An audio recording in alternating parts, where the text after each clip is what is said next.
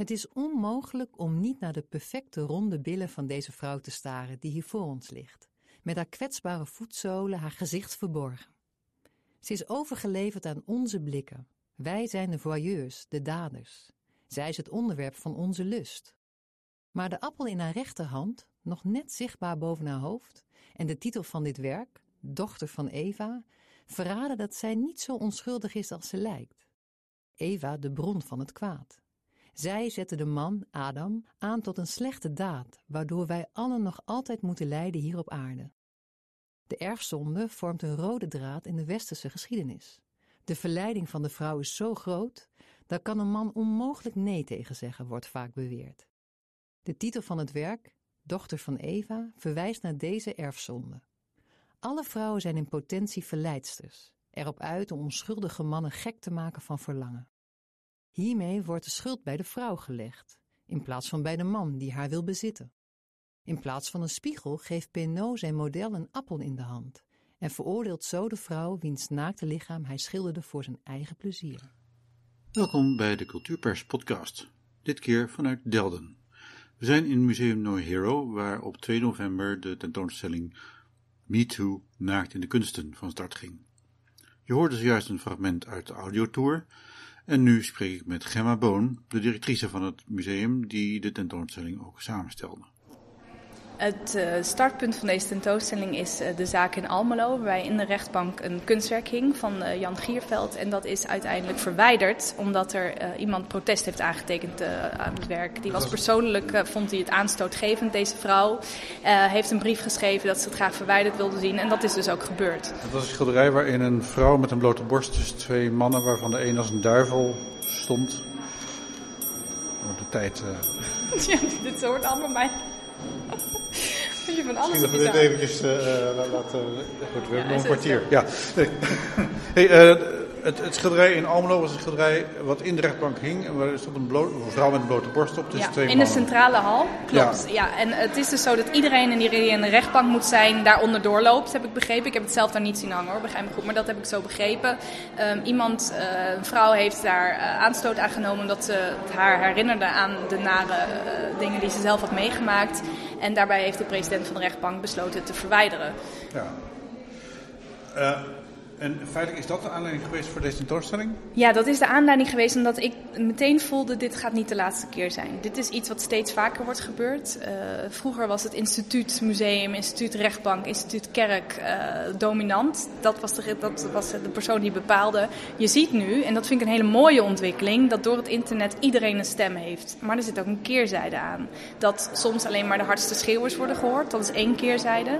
Uh, maar ook dat er misschien vrij snel actie moet worden worden ondernomen voelt men zo om de publieke opinie goed te houden. Daar zijn instituten heel gevoelig voor.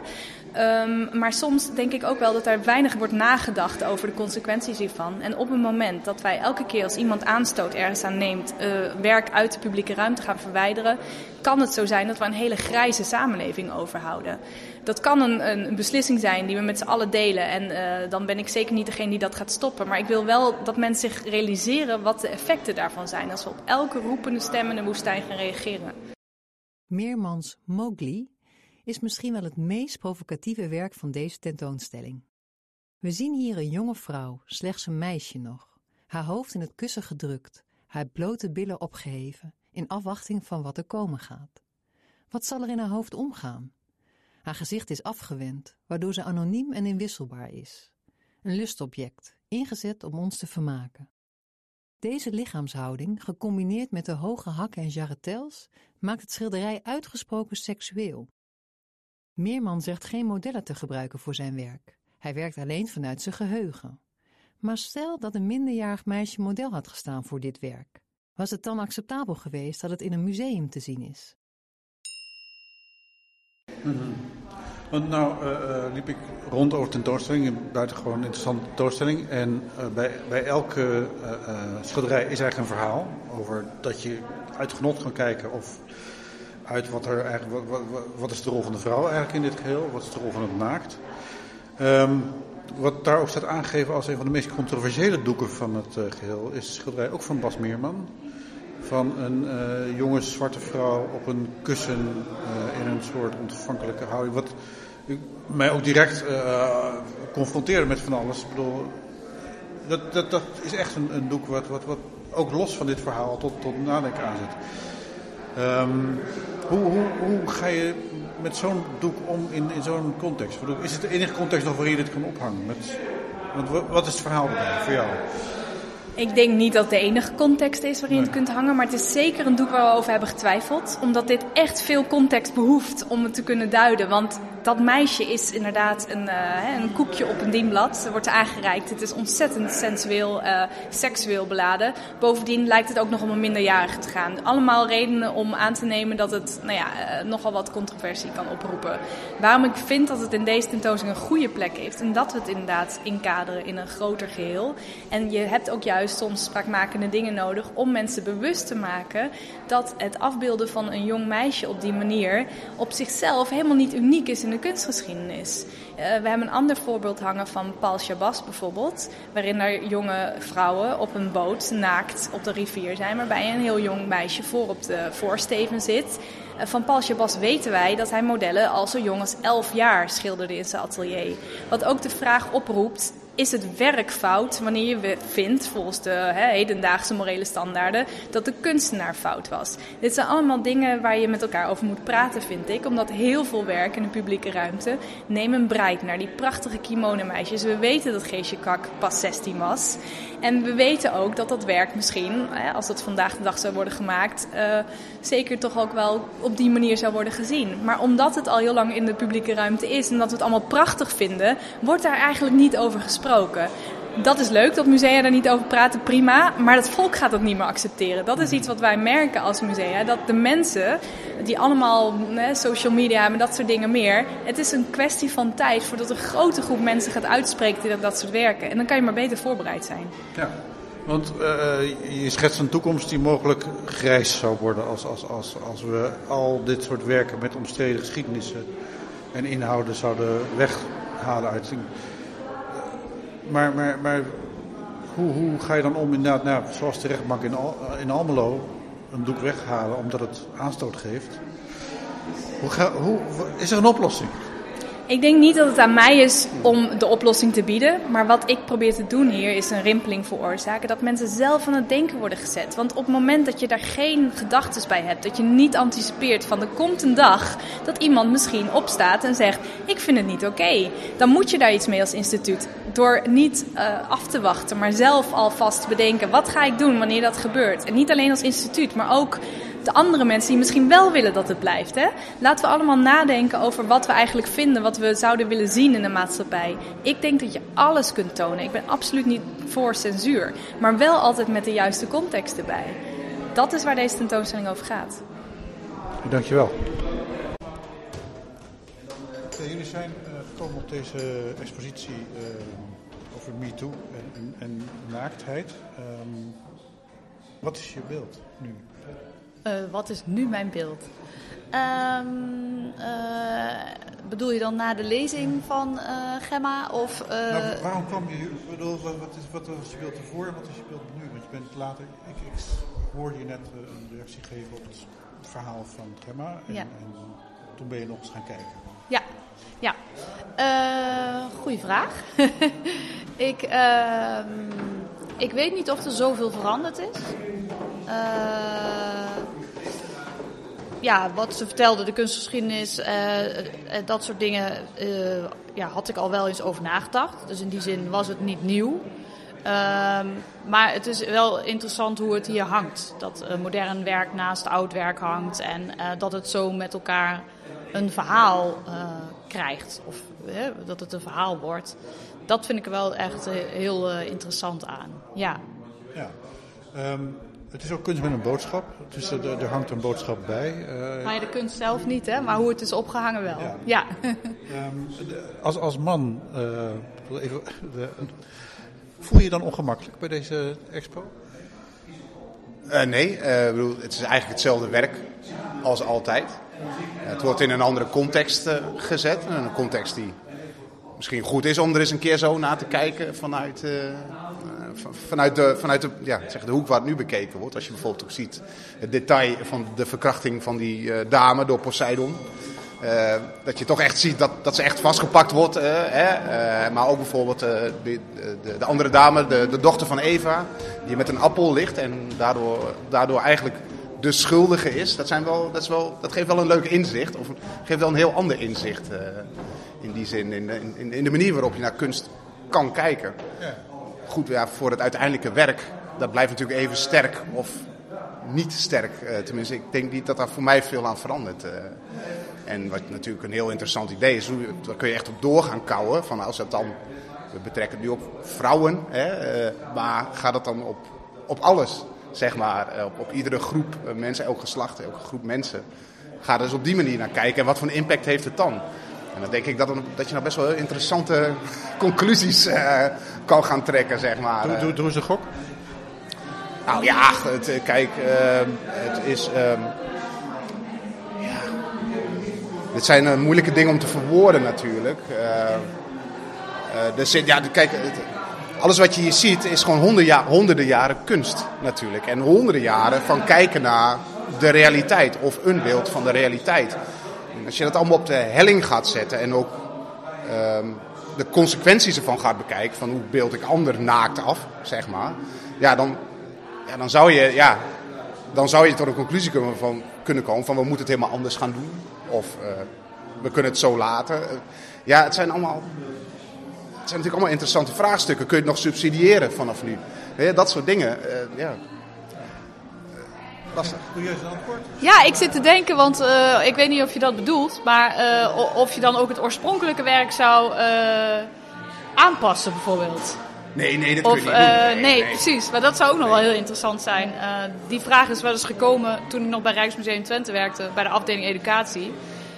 Kwam een school uh, en die wilde dat wij naakt af gingen dekken.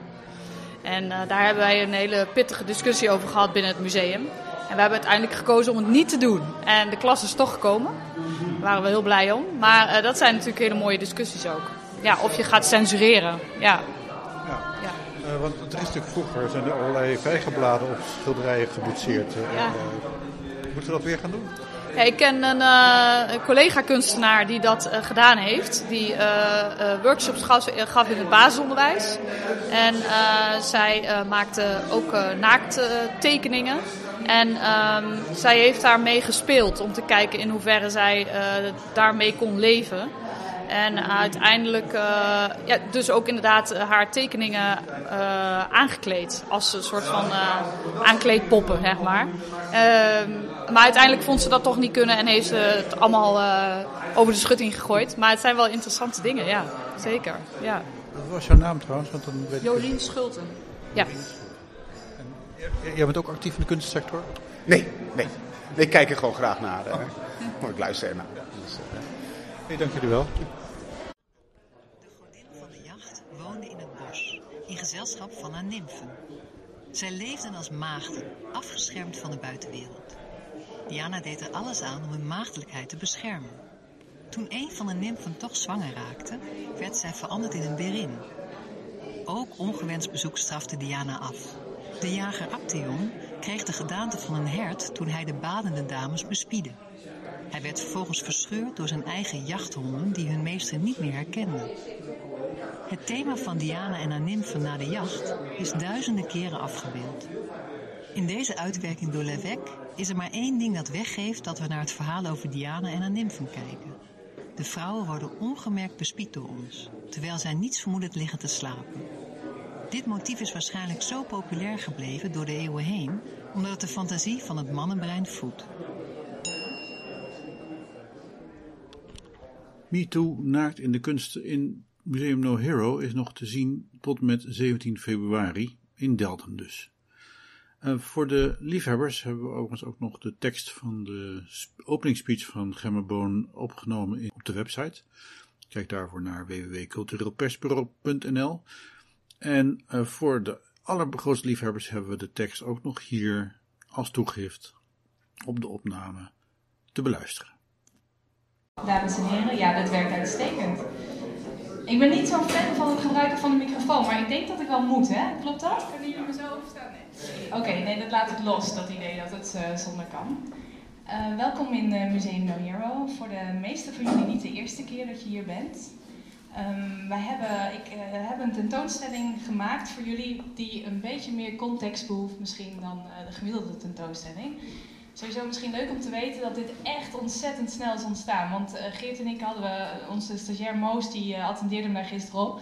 3 oktober was het, dat we tegen elkaar zeiden, we moeten iets doen, want dit is urgent. Dit speelt nu en wij voelden dat het, uh, ja, dat het iets was waar we niet omheen konden. En dat was eigenlijk uh, nadat dat schilderij in Almelo uit de rechtbank uh, was verwijderd, waar de meeste van jullie misschien wel van hadden gehoord. Um, in een maand tijd hebben we deze tentoonstelling voor elkaar gekregen. En dat is natuurlijk fijn als je uit zo'n collectie kan putten als die van Geert. Want we hadden heel veel werk in de collectie met naakt in de kunst. Dat is niet uitzonderlijk natuurlijk, heel veel musea hebben dat. Um, maar goed, ik heb voor jullie een verhaal voorbereid om hier iets meer over te vertellen dan, dan wat ik normaal gesproken doe. Kan iedereen me zo goed verstaan? Ja. Ik kan mezelf heel goed horen. Ja. goed.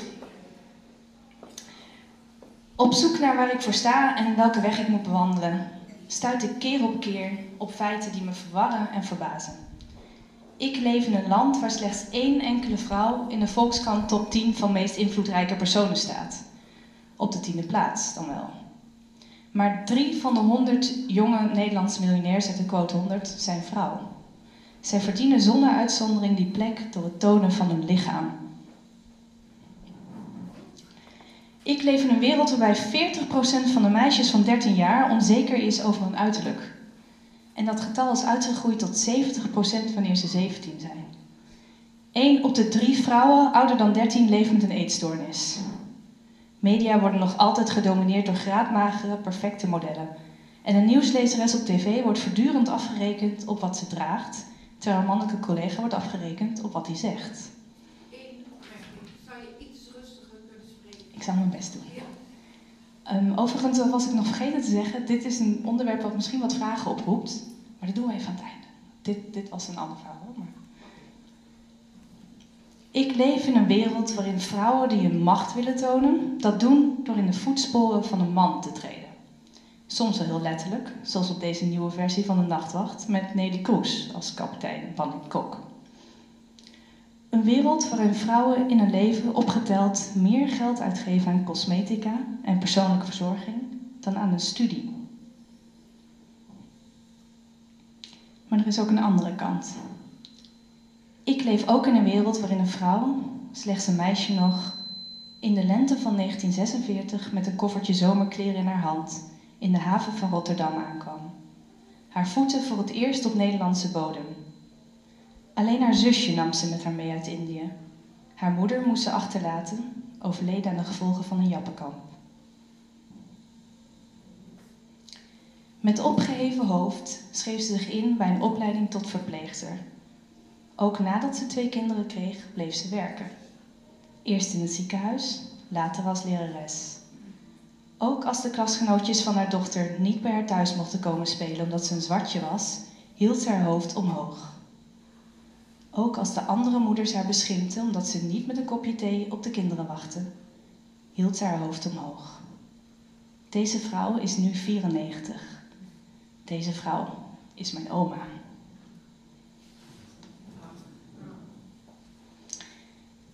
Wacht, laat ik mijn bril opzetten. Dat gaat misschien nog beter. Mijn oma was de uitzondering, maar nu is ze de regel. Meisjes zijn niet langer het zwakke geslacht. Volgens een artikel uit de Standaard van juni vorig jaar met de sprekende titel Mannen aan de afgrond zijn meisjes vandaag slimmer en verantwoordelijker dan mannen. Ze zijn bovendien minder verslavingsgevoelig en raken minder vaak betrokken bij een ongeval, waardoor ze een langere levensverwachting hebben. Er is een kentering gaande in de wereld. Vrouwen, en ook steeds meer mannen, ondervragen de manier waarop wij naar vrouwen kijken. In oktober 2017 werd de wereld opgeschud door twee simpele woorden: Me Too. Wie hashtag MeToo plaatst, geeft aan met seksuele intimidatie of aanranding te maken hebben gehad. Misschien wel voor het eerst in de geschiedenis steken vrouwen, maar ook mannen, hun hand op. Me too, ik ook. Niet alleen verlossen de slachtoffers van seksuele intimidatie zichzelf van de schaamte die lange tijd kleefde aan dit soort zaken, maar het is ook vooral een statement. De maatschappij moet veranderen. We leven in een wereld waarin we het acceptabel vinden dat een vrijpartij voor een vrouw eindigt in tranen. Waarin mensen zich afvragen waarom een vrouw niet gewoon vertrekt wanneer een man haar niet goed behandelt. De waarheid is dat vrouwen worden opgevoed met het idee dat pijn een geaccepteerd en niet te vermijden onderdeel van het leven is. Vanaf het moment dat zij geboren is, wordt haar verteld dat ze vooral mooi moet zijn. En mooi zijn is pijn lijden. Voor de, van de eerste vlecht in haar haren tot de 9 centimeter hoge hakken. Mooi zijn is pijn lijden. Laten we het hebben over vrouwen en pijn. Uit onderzoek blijkt dat 30% van de vrouwen pijn heeft bij het vrijen. En een groot deel van deze vrouwen vertelt dat niet aan haar partner. Goede seks betekent voor een vrouw pijnloze seks, waar het voor mannen gaat over hoe bevredigend de seks is. Naar erectieproblemen zijn 1954 onderzoeken gedaan. Naar de pijn die vrouwen ervaren tijdens het vrijen slechts 43. Pijn, vernedering en schaamte zijn niet langer geaccepteerde zaken die simpelweg bij het vrouw zijn horen. De hashtag MeToo kreeg populariteit nadat Hollywood-producent Harvey Weinstein van seksuele intimidatie werd beschuldigd.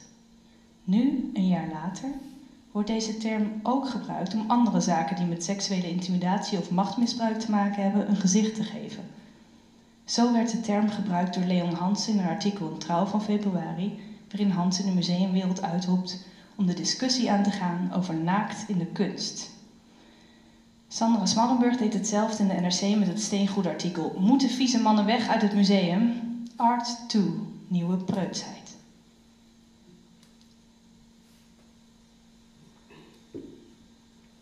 Maar Sandra heeft het op één punt mis. Dit, wat ik hier vertel, gaat niet over preutsheid. Het probleem zit hem niet in het tonen van het menselijk lichaam. Censuur betekent zoveel als je moet je schamen voor je lichaam. Of, misschien nog wel erger, erotiek en seksualiteit is voorbehouden aan vieze mannetjes. Het naakte lijf is deel van het leven, seks ook. Maar dan wel naar de zin van beide partijen. Als kunstenvrije zone is waarin juist alles ondervraagd mag worden, kan nog altijd de, de conclusie zijn dat we de, dat de, de uitkomst daarvan niet in de publieke ruimte willen tonen. Laten we wat voorbeelden noemen. Dit prachtige werk van Bernini kan je vinden in de Galleria Borghese. Het is misschien wel het meest indrukwekkende, adembenemende sculptuur dat ik ooit heb gezien. Kijk hoe Pluto's ferme grip op de spartelende Proserpina zichtbaar is in het marmer. Zo levensecht. Haar doodsangst, zijn vastberadenheid. Duizenden mensen bezoeken de Galleria Borghese en vergapen zich aan dit beeld. De lichtval, het koele marmer. Prachtig. Maar dan de titel. Ratto di Proserpina. De verkrachting van Proserpina. Pluto wilde het jonge meisje Proserpina bezitten en haar meenemen naar de onderwereld. Proserpina verzette zich, maar was kansloos. Verkrachting in de kunst, dat is niet zo uitzonderlijk als je misschien denkt. Medusa, een afzichtelijke vrouw met slangen op haar hoofd, die mannen in steen kon veranderen door een blik op hen te werpen. De meeste mensen weten niet waarom Medusa zo'n lelijkerd is. Volgens de legende was zij een priesteres in de tempel van de godin Athene, beroemd om haar schoonheid. Medusa had een eed gezworen dat ze altijd maagd zou blijven om zo een symbool van puurheid te zijn, een voorbeeld voor het volk. Maar daar stak de god van de zee Poseidon een stokje voor. Hij verkrachtte Medusa in de tempel van Athene. Medusa verloor hiermee niet alleen haar functie als priesteres, maar ook haar recht om te trouwen. Een vrouw, zo blijkt hij wel uit, was bezit. Athene straft Medusa nadat ze hoorde wat er was gebeurd door haar naar een eiland te verbannen, haar haar in slangen te veranderen en haar gezicht zo onaantrekkelijk te maken dat zij iedereen die naar haar kijkt in steen verandert. Ze is geïsoleerd en verbannen uit de maatschappij. Zij is de schuldige. En wat denk je dat Poseidon voor een straf krijgt opgelegd? Niets. Hij is een machtige man en daarom wordt er van hem verwacht dat hij alles neemt wat hem begeert. Uit het voorbeeld van Medusa en Proserpina blijkt wel dat de Griekse mythologie doorspekt is van verkrachtingsverhalen. De Griekse mythologie, de bakermat van onze westerse maatschappij. Schilderijen met deze thema's zijn zo populair in de westerse kunstgeschiedenis dat er zelfs een begrip voor bestaat: heroïsche verkrachtingen.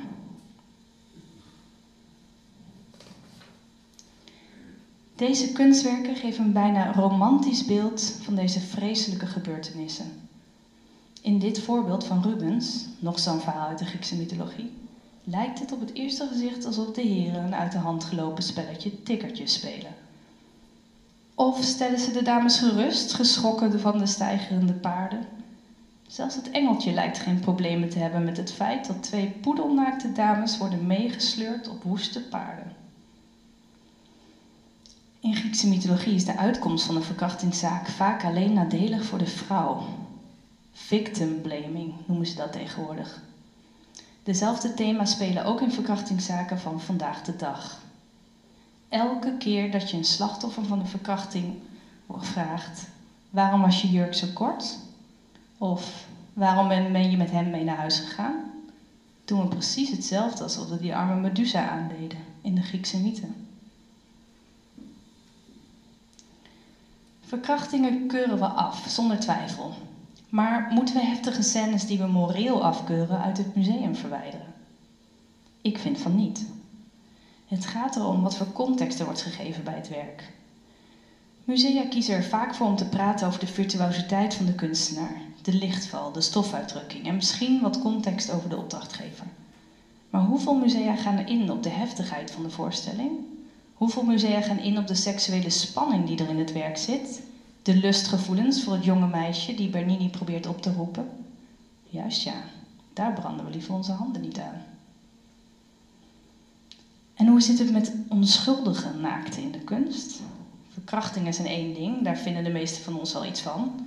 Maar hoe zit het met al die blote lijven, voor ons uitgestald als krokante koekjes op een schaal? De discussie over hoe wij tegen vrouwen in de kunst aankijken is niet nieuw.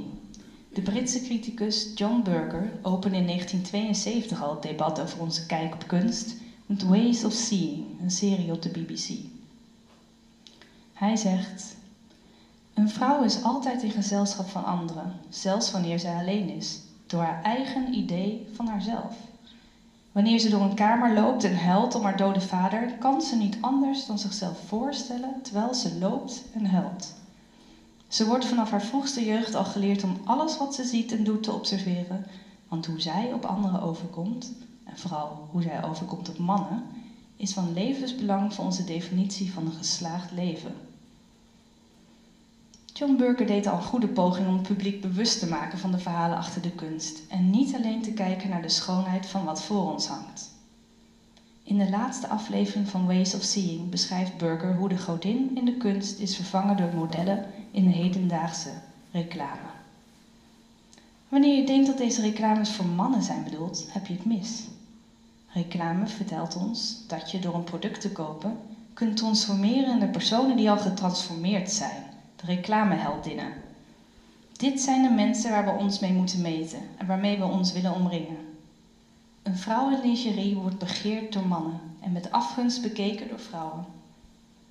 Glamour, jaloezie en kijken. Dat is waar onze hele mode- en social media obsessie om draait. Victoria's Angels belichamen de ultieme fantasie. En de jaarlijkse catwalk show wordt door miljoenen mensen wereldwijd bekeken, waarvan het merendeel vrouw is. Hun boodschap is: door deze producten aan te kopen kan je transformeren. Met een verende pas op de catwalk lijken de angels een stuk passiever dan de naakt in de schilderkunst, maar de impact is hetzelfde. Zij bestaan om verlangen op te wekken, de vlees geworden perfectie.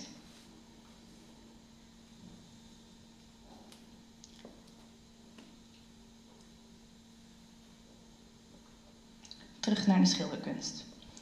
Je schildert een naakte vrouw omdat je ervan geniet om naar haar te kijken. Beeld een spiegel in haar hand af en je noemt het schilderij Vanitas, waarmee je de vrouw veroordeelt wiens naaktheid je voor je eigen plezier hebt afgebeeld. In de quote van John Berger, die je achter me ziet, beschrijft hij de dubbele standaard waarmee wij naar vrouwen kijken.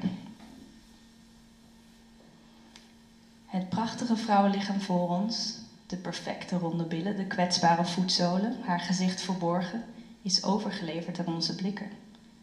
Kijken is niet onschuldig. Door voor te kiezen om onze ogen op haar te laten rusten, worden we voyeurs. Zij is het onderwerp van onze lustige blikken. Maar de appel in haar rechterhand, nog net zichtbaar boven haar hoofd en de titel van het werk, de dochter van Eva, maken haar tot het onderwerp van de schuld. Eva, de verleidster die Adam tot zonde aanzette en waardoor wij nu op deze aarde moeten lijden.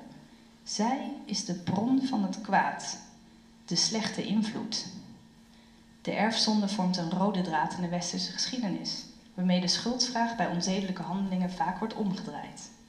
De verleiding van de vrouw is zo groot, daar kan een man onmogelijk nee tegen zeggen, wordt vaak beweerd. De titel van het werk Dochter van Eva verwijst naar deze erfzonde.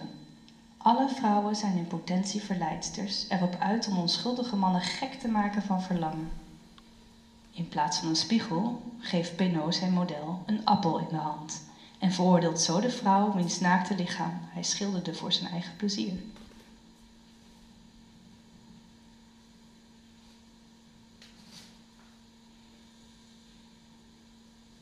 Het vrouwelijk naakt in westerse kunst, haarloos, voluptueus, blanke huid en zo gaaf als een parel, is altijd bedoeld geweest om een mannelijke seksuele lust te voeden. Deze vrouwen hebben geen eigen behoeftes. Ze zijn gemaakt om naar te kijken, zo afgebeeld dat zij het beste zichtbaar zijn voor een mannelijke toeschouwer, klaar om geconsumeerd te worden. Dat de mannelijke blik, of male gaze, waarmee dit fenomeen wordt aangeduid, niet alleen beperkt is tot de vrouw, is goed terug te zien in de kunst van Bas Meerman.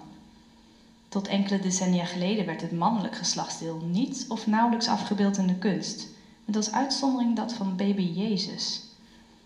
De afgelopen decennia is hier verandering in gekomen, mede dankzij de groeiende acceptatie van homoseksualiteit in het straatbeeld.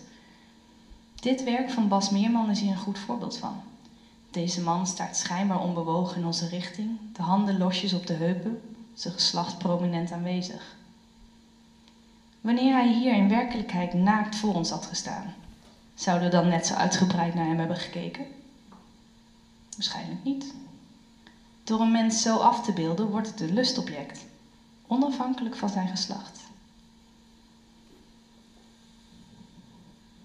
Begrijp me niet verkeerd. Dit verhaal wat ik hier doe gaat niet over de foute man of de vieze man. Het gaat zelfs niet over foute of vieze kunst. Het gaat erom dat we ons bewust van zijn dat het afbeelden van mensen, en meer nog van naakte mensen, niet onschuldig is. Een vrouw afbeelden is een vrouw bezitten. Zij wordt een object. Dat geldt ook voor een naakte man afbeelden. Kijk maar naar het voorbeeld van Bas Meerman.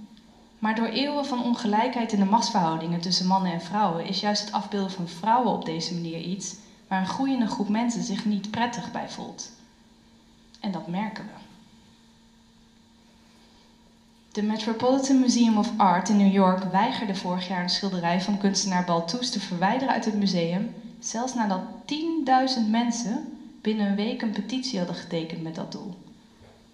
Het 80 jaar oude kunstwerk zou, volgens de protestgroep, pedofilie stimuleren. Je zou kunnen denken dat dit een typisch voorbeeld van een Amerikaanse conservatieve preutsheid is. Maar de keuze van de rechtbank in Almelo om het werk van kunstenaar Jan Gierveld, dat al sinds 1992 in de Almeloze rechtbank hangt, te verwijderen, is reden om aan te nemen dat kunst in de openbare ruimte ook in Nederland ter discussie staat. Een klacht van een vrouw uit Hengelo was voor rechtbankpresident Bart van Meegen aanleiding om het schilderij te verplaatsen naar een besloten deel van het gebouw. Vera Bergkamp, D66-politica, vond het afgelopen 25 september genoeg reden om Kamervragen te stellen over de vraag waarom het schilderij is verwijderd en vroeg zich af of de actie een aantasting is van de essentie van kunst. Een aantasting van de essentie van kunst, dat is een mooie zin, maar wat betekent het eigenlijk? Iets als dat in kunst alles moet mogen en kunnen? Kunst wordt gezien als een vrij plaats waar grenzen op worden gezocht en regels mogen worden overtreden. Ja, dat klinkt leuk in theorie, maar in praktijk heeft dat wel een paar gevolgen. In het geval van het schilderij in de rechtbank van Almelo gaat het om de publieke ruimte. Je kiest er niet voor om in een rechtbank te zijn. Vaak moet je, of je nou wilt of niet. Wanneer je dan oog in oog komt te staan met de schilderij dat je doet denken aan het seksueel misbruik waar je slachtoffer bent geworden, is dat ontzettend naar. Dat is anders in een museum waar je bewust een kaartje voor koopt en waarvan je mag verwachten dat er naakt te zien is.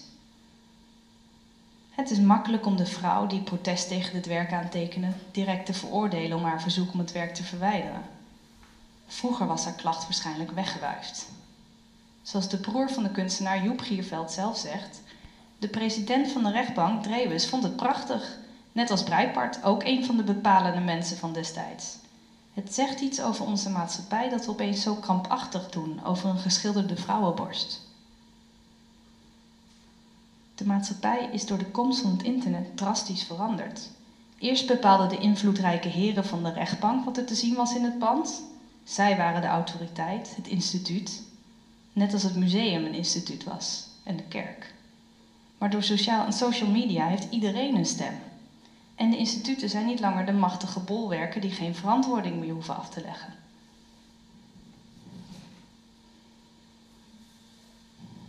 Hashtag MeToo.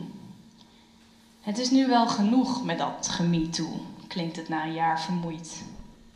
Bedoeld wordt, kunnen we weer gewoon doen? Maar dat gaat niet. Want gewoon was niet gewoon. De grootste gemene deler van de onder MeToo opgedoken zedenzaken is het systematisch neerkijken op vrouwen. De mannen die zich aan hem vergrijpen beschouwen hen op zijn best als begerenswaardig speelgoed. Hun gevoel telt niet mee, het bestaat niet. Mensen willen niet meer als speelgoed worden gezien. We kunnen er niet omheen. Musea kunnen er niet omheen. Dus ik nodig jullie uit om opnieuw te kijken naar al dat bloot in de schilderkunst. Al die naakte lijven, waar we niet meer van opkijken. Want het is een kwestie van tijd voordat er weer iemand opstaat en zich uitspreekt om dit soort werk uit te bannen. Kijk en oordeel zelf. Dank u wel.